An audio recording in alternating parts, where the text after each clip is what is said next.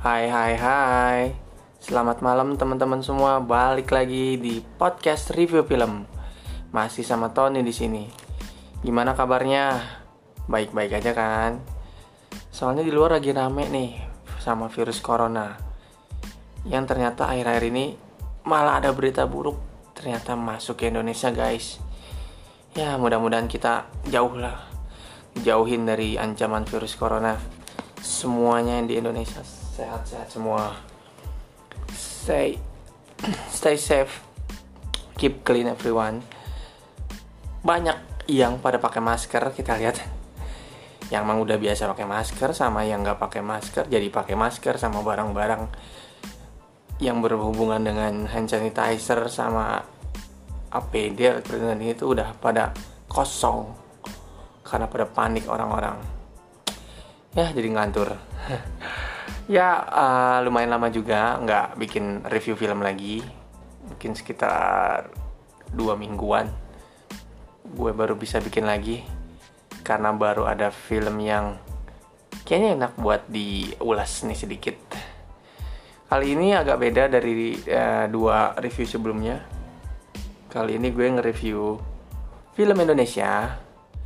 Film Indonesia yang sebenarnya keluarnya udah lama 2018 Agustus.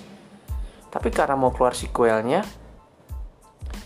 jadi gue nonton. Dan kebetulan waktu itu gue nontonnya maraton di bioskop di bioskop CGV uh, eh, dia ngadain maraton film gitu.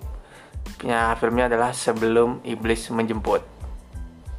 Uh, sebelum tayang reguler dia ngadain maraton dulu. Jadi bayar satu tiket nonton langsung dua film. Karena emang gue pengen nonton dari dulu nggak sempet. Terus ayat 2 nya mau keluar ya udah gaspol aja. Langsung samperin lumayan lah. 4 jam di teror sama uh, apa film dari arahan Kimo ini. Timo Timo Timo Sambul Oke di kalau sekarang sih gue mau nge-review yang yang pertama dulu sebelum iblis menjemput pakai ayat satu nggak ya? Soalnya yang kedua pakai ayat 2 film ini disutradain sama Timo. Kalau kita tahu dia sutradara yang terkenal sama film-film gore lah. Rumah Darah dulu eh, sama Mo Brothers. Terus ada Headshot Night Come For Us. Itu film-film yang emang dia banget ya yang banyak banget uh, adegan darah muncrat segala macem. Emang ciri khas dia banget. Nah kali ini dia bikin film hantu nih horor horor hantu. Kayak apa sih yang biasanya gor-gor tiba-tiba bikin film yang mungkin kita bisa dibilang hantu kan uh, identik sama film hantu identik sama jump scare ya.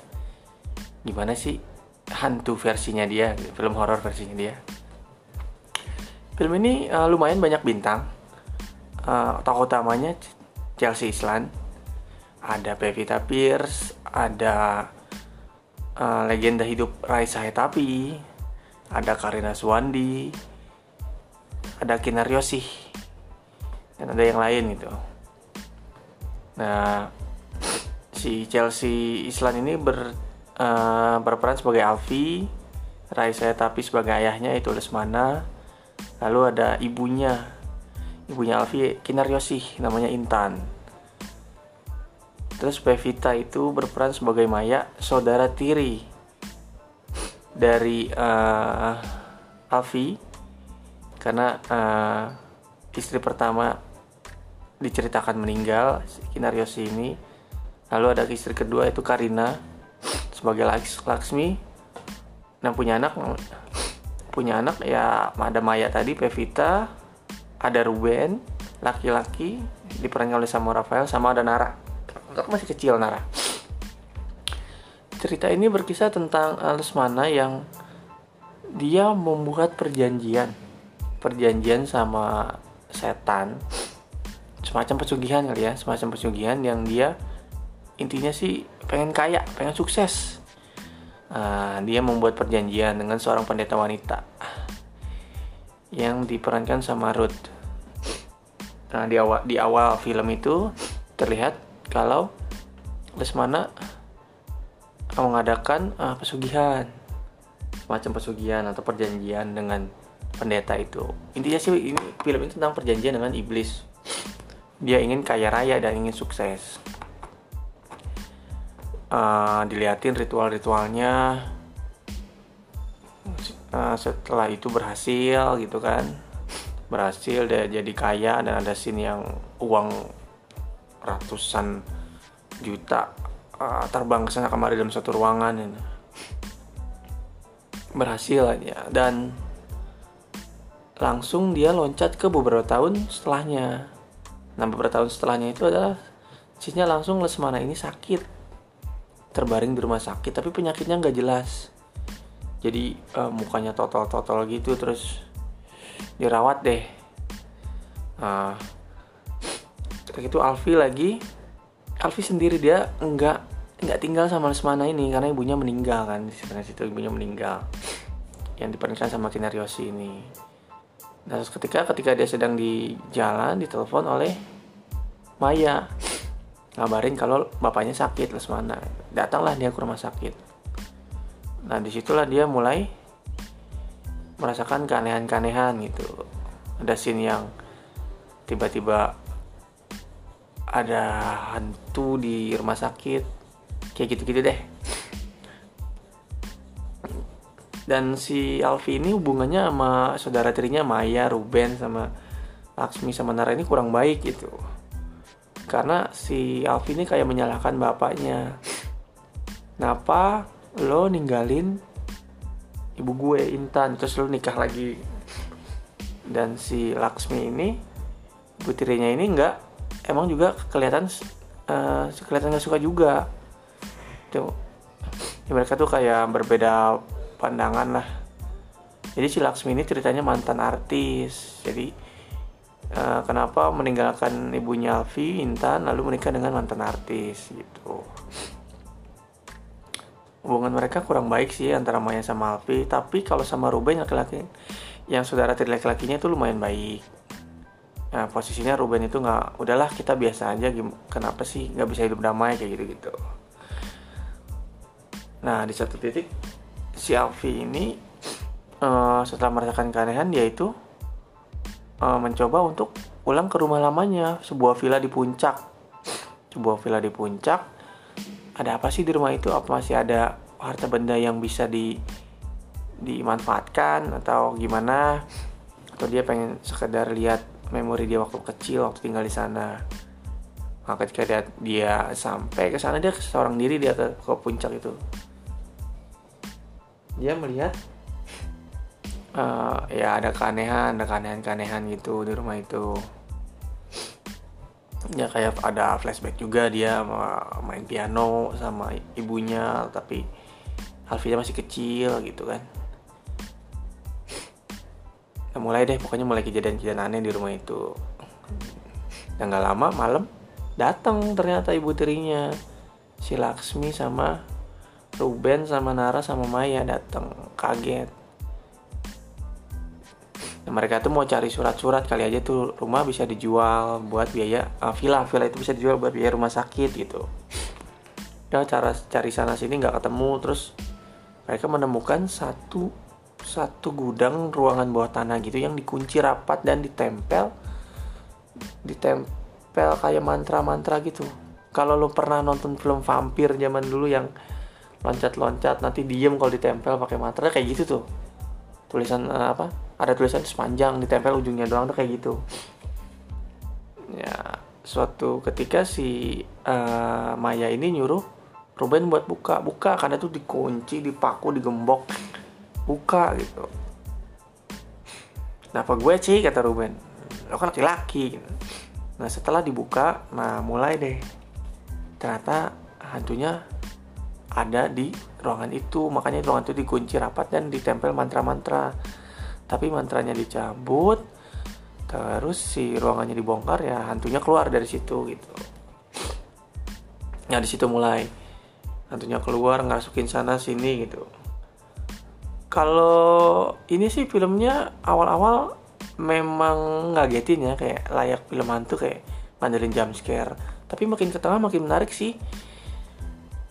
Bisa dibilang apa ya? Gue bisa bilang nih kayak hantu gore gitu hantunya nyerang. Hantunya bukan bukan apa sih namanya bukan hantu yang cuman ngumpet sana sini keluar sekali gitu. Tapi enggak ini hantunya nyerang. Hantunya ngerasukin terus nyerang lo nyerang physically gitu. Bener-bener udah kayak mau ngebunuh. Di situ sih yang gue gue gue gue kira film luar doang film hantu luar doang yang bisa begini. Ternyata uh, film hantu versi Imo tuh kayak gini gitu dia nggak mau ninggalin ciri khas dia yang gore darah darah gitu. Keren sih di sini apalagi pas si hantunya ngerasukin si apa Laksmi ibu tirinya.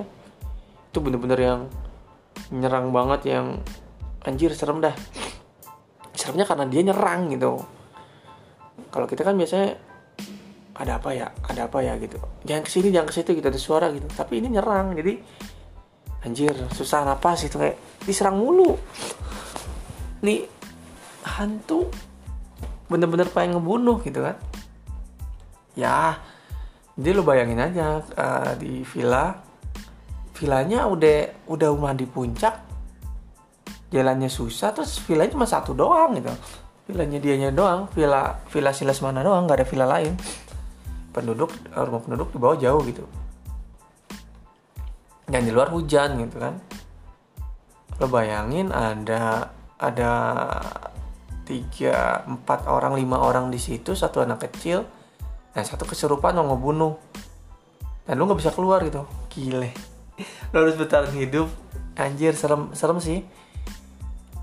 Kirain kita cuman kayak diem aja di ruangan ngunci Ngunci bareng-bareng sampai tunggu pagi terus besok pulang. Enggak ini setannya neror Setannya mau mau ngebunuh lo gitu. Kalau kata gue keren ini uh, hantu beda sih. Kalau mau di compare sama hantu-hantu ya film Indonesia gitu. Gue nggak banyak sih nonton film hantu Indonesia tapi ini beda sih karena emang bikin Timo kali ya jadi kayak pengennya tetap gornya kelihatan ciri khas dia gitu. Keren. Dan selanjutnya ya tonton aja sendiri deh nanti kebanyakan. Spoiler lagi. Kebanyakan cerita. Ya kerennya hantu ini uh, film horor ini ngeri ngeri gitu. Terus dia uh, coba bayangin aja posisi lo di dalam rumah lo nggak bisa keluar dan ada hantu yang mau ngebunuh lo gitu. Acting si Maya juga keren di sini si Pevita. Nggak nyangka aja sih dia bisa acting si keren itu. Uh, battle lah kasar dia battle sama Alfi sama sama Chelsea Islan. dan ini juga nggak serius-serius amat. Di sini sosok Ruben juga apa ya di tengah ketakutan dia ngehibur sih. Nggak ngelucu tapi hubungan dia sama Alfi itu karena ngeliat kok adek gue kayak gitu nggak deket kok mak gue juga kayak gitu. Nah si Ruben ini pengen pengen sama Alfi tuh baik-baik aja gitu. Mereka tuh uh, enak-enak aja gitu. Hubungannya baik di situ sih kayak Ruben tuh sebagai pen, sebagai penetralisir gitu. Uh, ya uh, ternyata intinya adalah kenapa pengen ngebunuh setannya? Karena pengen uh, setannya pengen ngebunuh pengen ngebunuh Alfi gitu. Karena ini uh, akibat bapaknya yang dulu punya perjanjian sama setan gitu.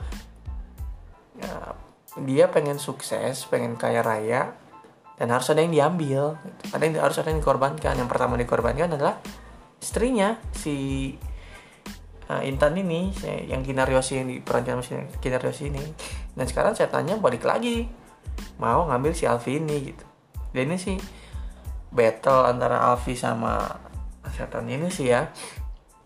Uh, gimana bisa nggak Alfi ngatasin permasalahan? Dia juga kaget. Ternyata bapaknya kayak gitu gitu.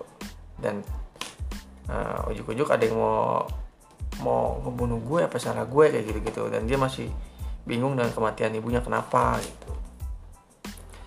Untuk ukuran film Indonesia horor ini bagus dan boleh tonton wajib tonton. Uh, jam scare-nya ada di awal-awal nggak terlalu banyak sih.